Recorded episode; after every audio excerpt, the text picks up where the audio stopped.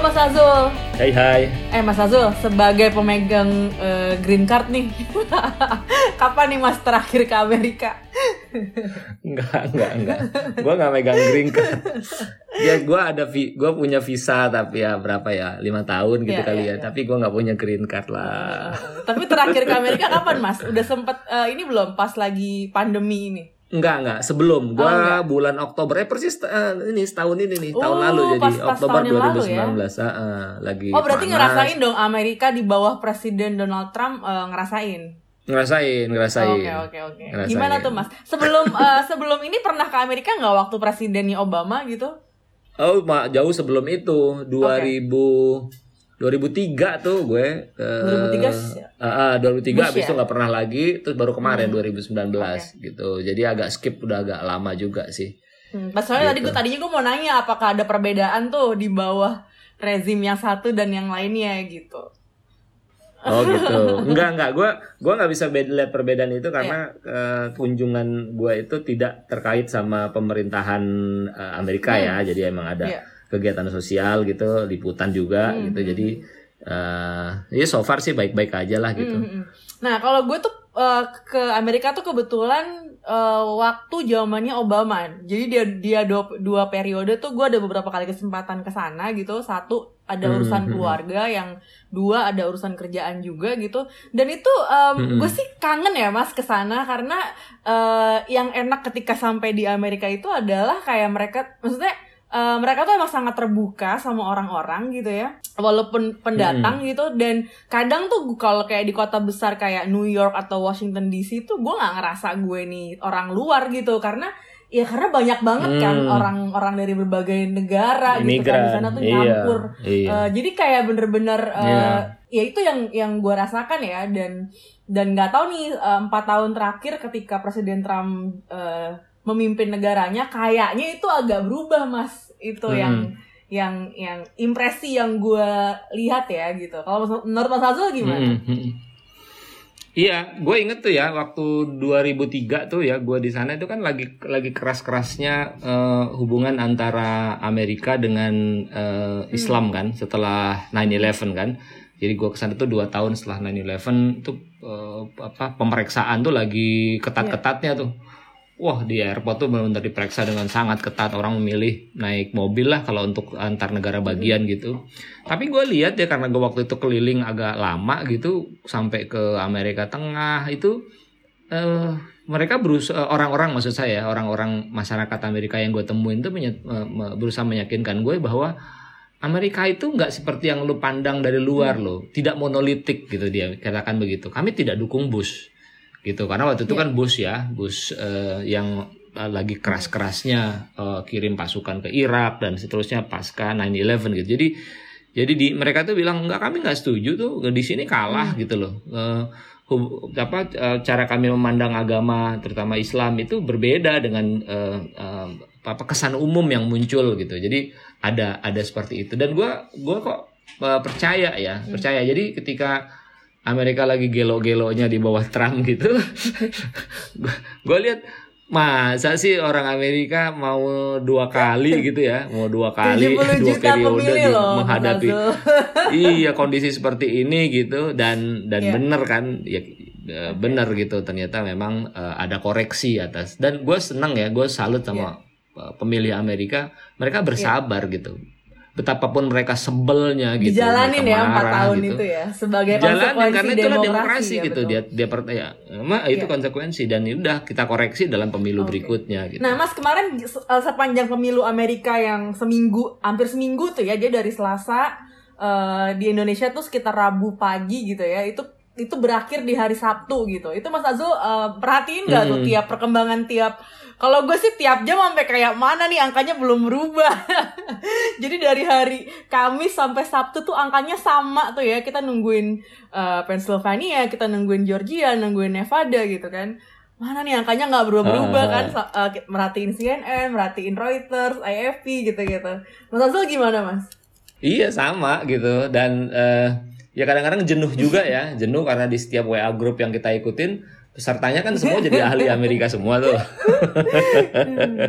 mereka ngomongin Amerika seolah-olah mereka uh, paham. Tapi menurut gue sih bagus karena mereka orang-orang yang gue ikut yeah. ya di dalam berbagai hmm. macam uh, kelompok di dalam WA group itu concern hmm. lah gitu dan dan mikirin gitu, mikirin yeah. gitu. Oke. Okay. Nah, kalau kali ini kita akan ngebahas editorial Tempo nih uh, yang membahas soal kemenangan uh, Joe Biden Uh, dan ini uh, mungkin juga sebuah momen runtuhnya Trumpisme gitu. Nah ini kita mau ngobrolin soal kayak gimana sih sebenarnya Trumpisme yang dianggap sama Tempo ini sudah menjalar ke Indonesia gitu. Tapi boleh nggak Mas dijelasin dulu nih Trumpisme ini apa sih dan uh, ini istilahnya dari kapan uh, mulai diperkenalkan di Indonesia gitu?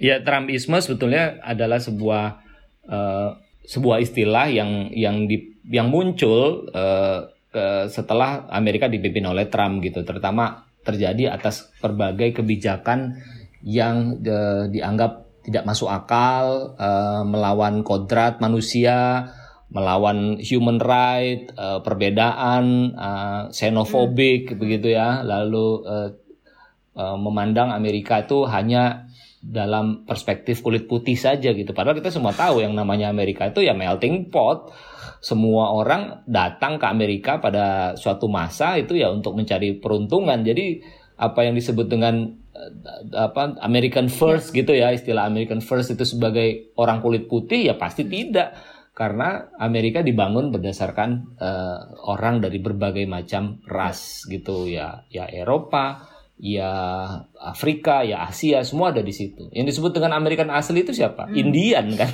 Kalau mau yeah. ngomong Amerika asli gitu. Jadi nggak ada Amerika asli itu. Nah ini juga satu problem uh, identitas hmm. ya, problem identitas yang menurut gue sama Trump berusaha diacak-acak tuh, berusaha diacak-acak sama dia gitu. Nah uh, pandangan pandangan uh, Trumpisme itu sebetulnya adalah sebuah istilah untuk menyederhanakan atau mempersonifikasi apa yang kita kenal sebagai populisme sebetulnya. Hmm, yeah. Jadi satu pandangan yang membenturkan masyarakat kelas bawah dengan masyarakat kelas uh, atasnya seolah-olah baik begitu, tapi sebetulnya uh, cara pandang yang membenturkan kelas atas dan kelas bawah itu uh, di dipakai uh, semata-mata hanya untuk mencapai tujuan tertentu dari orang yang menjalankannya, maksudnya atau pemimpin atau politisi yang menjalankannya gitu. Jadi apa ya misalnya ya, misalnya kayak Duterte ya, yeah. Duterte kan Filipina ya, kan orang udah Filipina, Duterte di Filipina atau di Brazil, uh, Amerika sendiri begitu. Kalau di Filipina itu misalnya uh, populisme itu dijalankan dengan karena di Filipina itu banyak kartel uh, apa namanya drug, Drugs, narkoba, ya, ya. maka Presiden Duterte melakukan operasi tembak di tempat. Gitu. Kalau ditanya pada Duterte kenapa dia lakukan itu padahal itu melanggar hak asasi manusia, maka dia akan jawab bahwa apakah orang-orang yang memprotes saya itu tahu betapa banyak orang orang Filipina yang menjadi korban uh, narkoba. Nah, gitu loh. Ya. Jadi seolah-olah satu pandangan yang berpihak kepada masyarakat. Mm Filipina, tapi sebetulnya dia sedang merusak tatanan itu sendiri, yaitu uh, human right di diabaikan, gitu kan? Yeah. Uh, apa namanya orang bersalah tidak dihukum, tidak diadili, tapi langsung ditembak dan seterusnya begitu. Jadi jadi itulah uh, praktek-praktek yang yang mendasarkan diri pada populisme itu. Yang hmm. terakhir tentu saja yang yang banyak dijalankan di negara-negara yang saya sebut tadi hmm. adalah cara mereka menghadapi pandemi hmm. gitu. Jadi okay. alih-alih mereka patuh dan berhikmat pada sains begitu ya, yeah. pada ilmu pengetahuan dalam menjalankan pandemi ini, malah mereka mengatakan bahwa eh, hal-hal uh, yang bertentangan dengan sains gitu. Hmm. Misalnya uh, pandemi Covid ini tidak berbahaya, orang ditakut-takuti, konspirasi internasional gitu, sesuatu yang yang berusaha mendekati orang dari kelas bawah yang uh, apa namanya uh, yang menderita akibat pembatasan sosial dan sebagainya begitu. Tapi sebetulnya dia ingin mencapai tujuan-tujuan tertentu terutama untuk kepentingan politiknya. Hmm. gitu kira-kira Lisa. Sebenarnya gue udah gatel sih mau nanya di negara kita uh, gimana nih Mas? Ada apa enggak sih sebenarnya bentuk dari Trumpisme itu? Nah, ini yang yang menarik. Kalau di editorial Tempo yang saya eh, kita bahas ini, yeah itu disebutkan bahwa praktek-praktek Trumpisme itu uh, terjadi, okay. terjadi gitu. Contohnya apa? Ya ter- contohnya adalah yang paling yang paling kelihatan sekali adalah ketika dalam omnibus law gitu ya, penetapan omnibus law. Omnibus law kita pernah diskusi tujuan awalnya bagus yaitu menciptakan lapangan kerja lebih banyak, memudahkan para pengusaha untuk uh, berusaha karena perizinannya dipotong begitu uh, dan seterusnya tapi dalam prakteknya uh, itu dijalankan dengan menabrak banyak hal, termasuk human right, lingkungan hidup, bahkan to some extent juga uh, gerakan anti korupsi dan lain-lain gitu. Jadi uh, ini yang dikhawatirkan oleh teman-teman di redaksi. Meskipun Donald Trumpnya kalah secara apa namanya secara politik kan sudah elected ya, meskipun hmm. belum diumumkan secara resmi, tapi uh, Trumpismenya ini masih akan berlangsung terus sepanjang itu masih dianggap efektif hmm. oleh mereka atau pemimpin-pemimpin dunia yang menjalankannya. Gitu Lisa. Ya. Sebenarnya gue agak ngeri ya mas ketika uh, beneran Trump menang gitu ya karena cara kampanye dia untuk sampai ke tampuk kekuasaan itu sangat mengkhawatirkan gitu kan. Dia bener-bener memecah belah uh, sebuah negara yang gede banget gitu kan. Uh, penduduknya juga ya kurang lebih sama lah kita ratusan juta juga gitu. Uh, dan itu berhasil gitu kan. Uh, dan ngerinya kan itu dicontoh sama politisi politisi-politisi di negara lain gitu. Dan uh, kalau kita mau kilas balik nih mas kebijakan kontroversial Trump ya setelah empat tahun gitu uh, apakah dia emang udah berhasil membuat Amerika great again gitu sesuai dengan uh, kampanyenya dia dulu kalau secara ekonomi, nah ini kan yang selalu hmm. didengung-dengungkan oleh para yeah. pendukung Trump kan. Yeah. Secara ekonomi kan dia meningkatkan uh, angka pertumbuhan ekonomi kan yeah. di Amerika kan, yeah. gitu. Jadi hmm. kenapa lo protes-protes gitu kasarnya kan gitu. Kapan lo protes-protes? Ini secara ekonomi hmm. clear naik sekian misalnya begitu kan. Yeah. Hmm. Nah tapi jangan lupa bahwa apa yang dia capai itu dijalankan dengan mengabaikan hal-hal prinsip dalam demokrasi hmm. di Amerika sendiri, yeah. gitu. Hmm begitu penghargaan terhadap uh, orang yang berbeda atau others itu kan lem, uh, buruk lah begitu hmm. ya. Lalu uh, hubungan dengan negara lain Meksiko yang dia mau bikin tembok.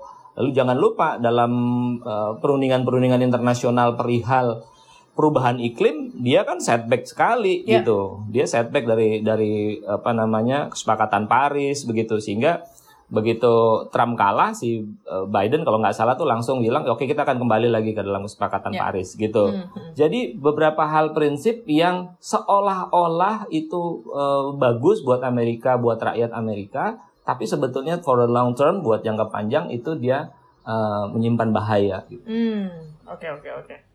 Tapi kita dapat keuntungan gak sih mas dengan uh, ketika selama Amerika itu dipimpin oleh Donald Trump gitu? Ada nggak keuntungan yang didapat sama Indonesia? Kalau menurut seorang pejabat di kementerian, salah satu kementerian dia dalam twitternya, yang di yang disinggung oleh opini Tempo itu ya, yeah. itu disebutkan bahwa si pejabat itu mengatakan sebetulnya kita untung loh kalau di Amerika dipimpin Trump. Kenapa? Karena Trump itu nggak terlalu rewel sama human right gitu. Hmm. Nah ini kan si pejabat ini sedang Eh, menelanjangi dirinya sendiri, menelanjangi pemerintah dengan mengatakan bahwa pemerintah juga nggak nggak peduli sama sama human right. Jadi yeah. kita seneng kalau negara lain, negara besar seperti Amerika juga tidak tidak rewel terhadap human right itu. Gue kepengen banget nyebut nama pejabat ini, tapi kok guanya dia contaminated ke podcast kita ya. Oke oke oke. Kita jadi skip dulu ya, itu nggak disebut dulu ya mas ya. Iya iya. iya. nah tapi gini nih mas, karena sekarang uh, Biden ini sudah di call ya sebagai uh, presiden terpilih ya, presiden elect gitu, uh, sampai nanti mm -mm. pelantikannya Januari gitu kan.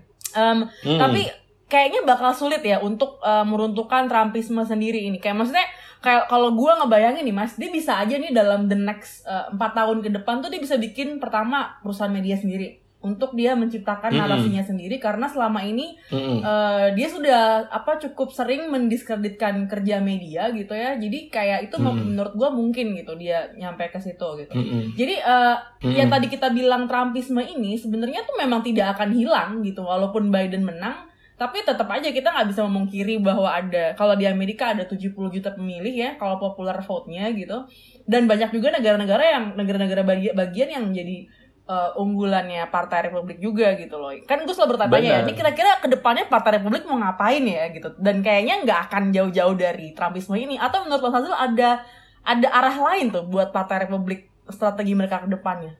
Uh, ya gue nggak tahu ya kalau di di di dalam mereka ya. Tapi kalau terhadap uh, hubungannya dengan Indonesia, kalau pertanyaan itu diletakkan dalam hubungannya dengan Indonesia. Hmm gue ngobrol dengan beberapa orang di Kementerian Luar Negeri, mereka sebetulnya apa ya? Mereka merasa nggak nyaman di periodenya Trump karena unpredictable sebetulnya hmm, gitu loh. Okay. Gitu loh. Jadi si, si Trump ini nggak bisa kita baca nih ke arahnya ke mana nih ketika hmm. uh, dia bisa berbelok gitu. Uh, berbelok arah. Hmm. Coba lihat waktu uh, si siapa Menlunya Amerika datang beberapa minggu sebelum pemilu ya, si Pompeo ya. Itu kan datang. Yeah datang ke ketemu dengan presiden, ketemu dengan menteri luar negeri, lalu teman ketemu dengan komunitas Nahdlatul Ulama, ya kan? Ketemu dengan komunitas Nahdlatul dan dan di dalam pertemuan dengan komunitas Nahdlatul Ulama, dia mengatakan bahwa Cina itu telah menghina Islam dalam konteks uh, Uighur gitu. Hmm. Dan itu dia jelek-jelekin secara terbuka gitu. Jadi kan ini kan kita nggak bisa nggak untuk nggak bilang bahwa ini politik adu domba gitu ya. Untungnya saya dengar teman-teman di NU cukup bijaksana gitu me, me, melihat atau membaca ini gitu. Jadi responnya teman-teman di NU adalah ya itu kan ada biasnya bapak kira-kira biasnya bapak sebagai sebagai presiden oh, apa sebagai menteri luar negeri di pemerintahannya Trump gitu.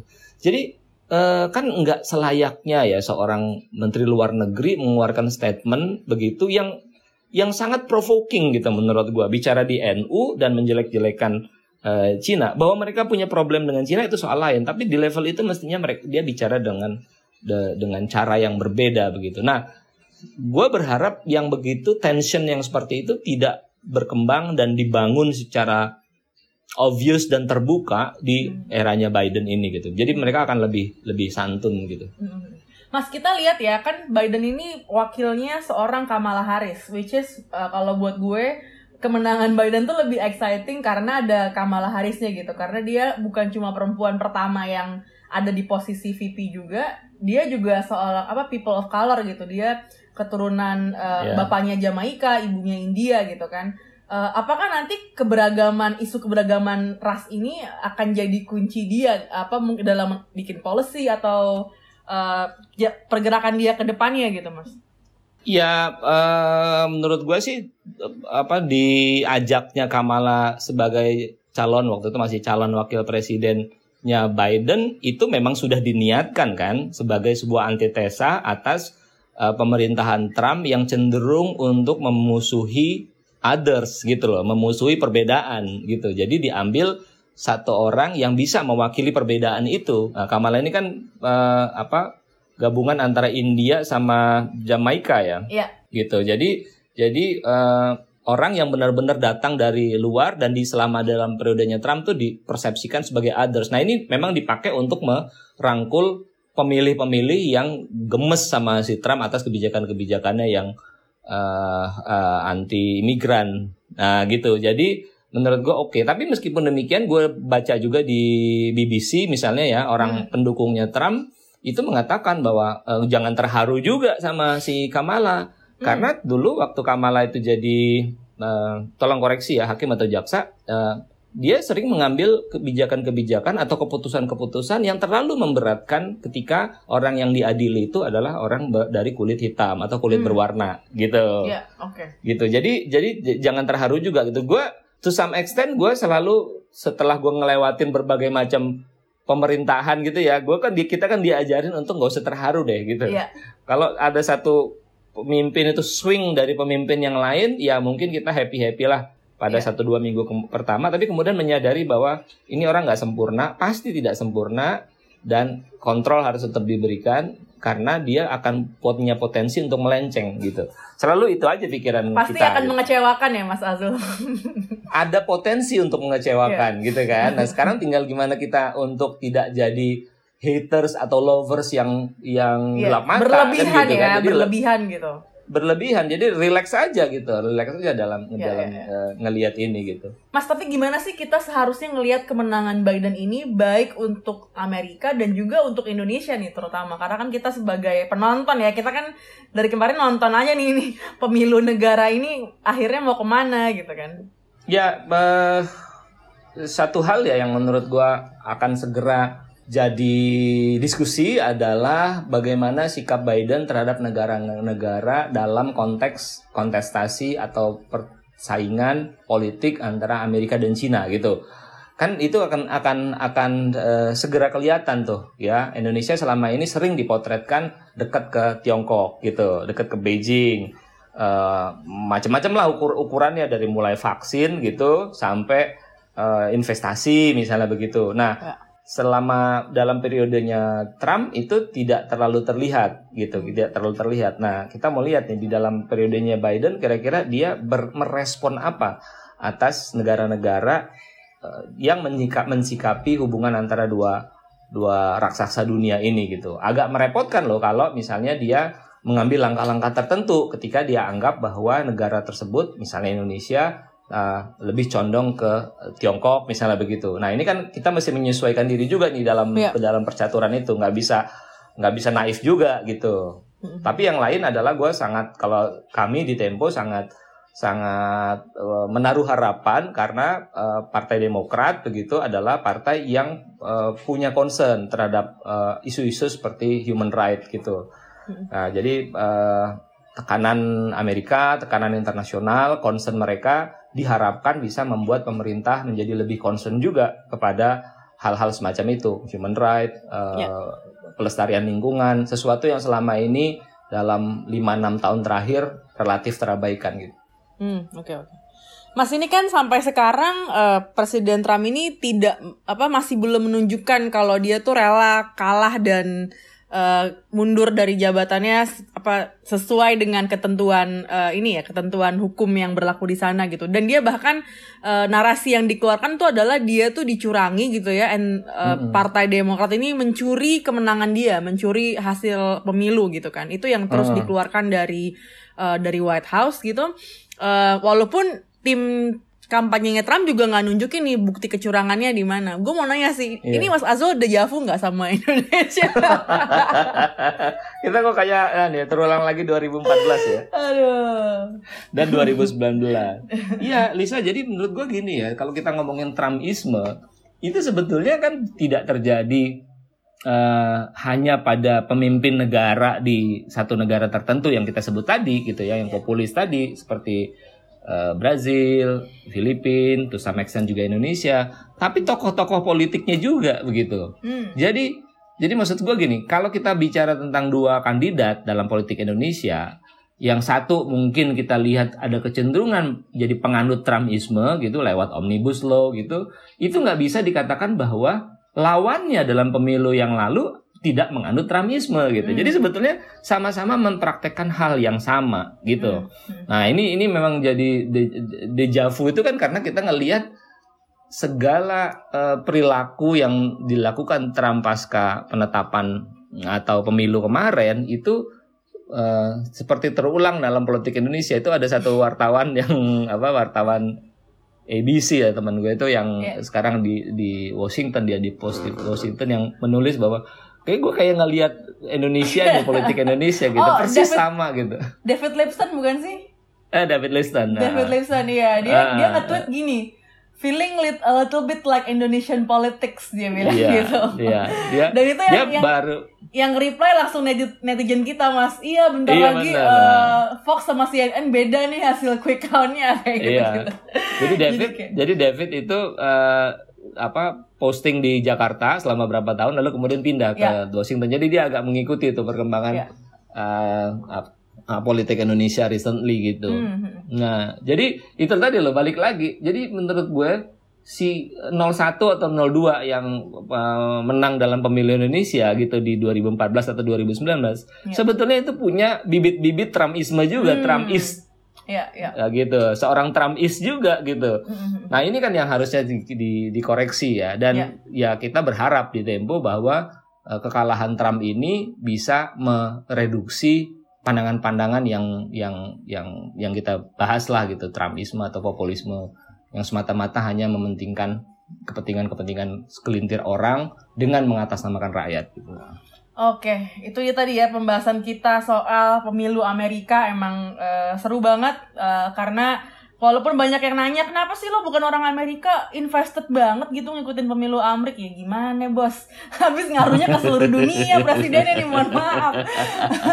Kayak bukan cuma masalah Paris Agreement doang ya tapi juga misalnya kayak yang funding ke WHO yang kayak gitu-gitu kan mengkhawatirkan kan kalau itu nggak berlanjut bener. gitu itu dia tadi ya pembahasan kita eh tapi gue ada satu gue ada ah. satu tuh yang senang banget dari si Joe Biden. Oh ya dia bilang dia bilang bahwa uh, vaksin uh, vaksin di Amerika akan digratiskan gitu.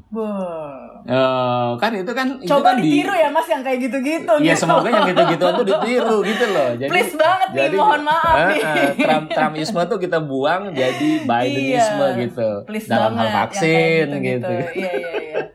Wah iya semoga nih bener sih uh, karena memang yang dilakukan oleh negara adidaya ini memang dilihat kan mau nggak mau dilihat oleh banyak politisi di berbagai negara gitu dan buktinya itu juga apa menular juga kan uh, apa yang dilakukan mereka itu menular ke negara-negara lain gitu kan. Ya, Jadi benar. semoga yang dilakukan Biden ini meskipun baru awal-awal gitu ya, baru-baru kayak sebatas janji nih kita belum lihat real, realitasnya gimana gitu ya. Cuman ya. uh, indikasinya baik kan Mas, indikasinya baik dan uh, dan patutlah buat dicontoh. Gitu. Makasih udah dengerin podcast apa kata Tempo. Uh, jangan lupa kirim komentar kamu tentang podcast ini pakai hashtag apa kata Tempo di status komentar kamu biar kebaca sama tim Tempo. Kalau mau collab jangan lupa email ke kita aja langsung uh, atau mention aja bisa ya di tempo uh, at tempo.co ya at tempo.co. Oke, okay, thank you banget nih Mas Azul udah ngobrol-ngobrol. Thank you. Terima kasih. Sampai, Sampai jumpa, jumpa di Amerika. Sampai jumpa di Amerika. bye bye. Uh...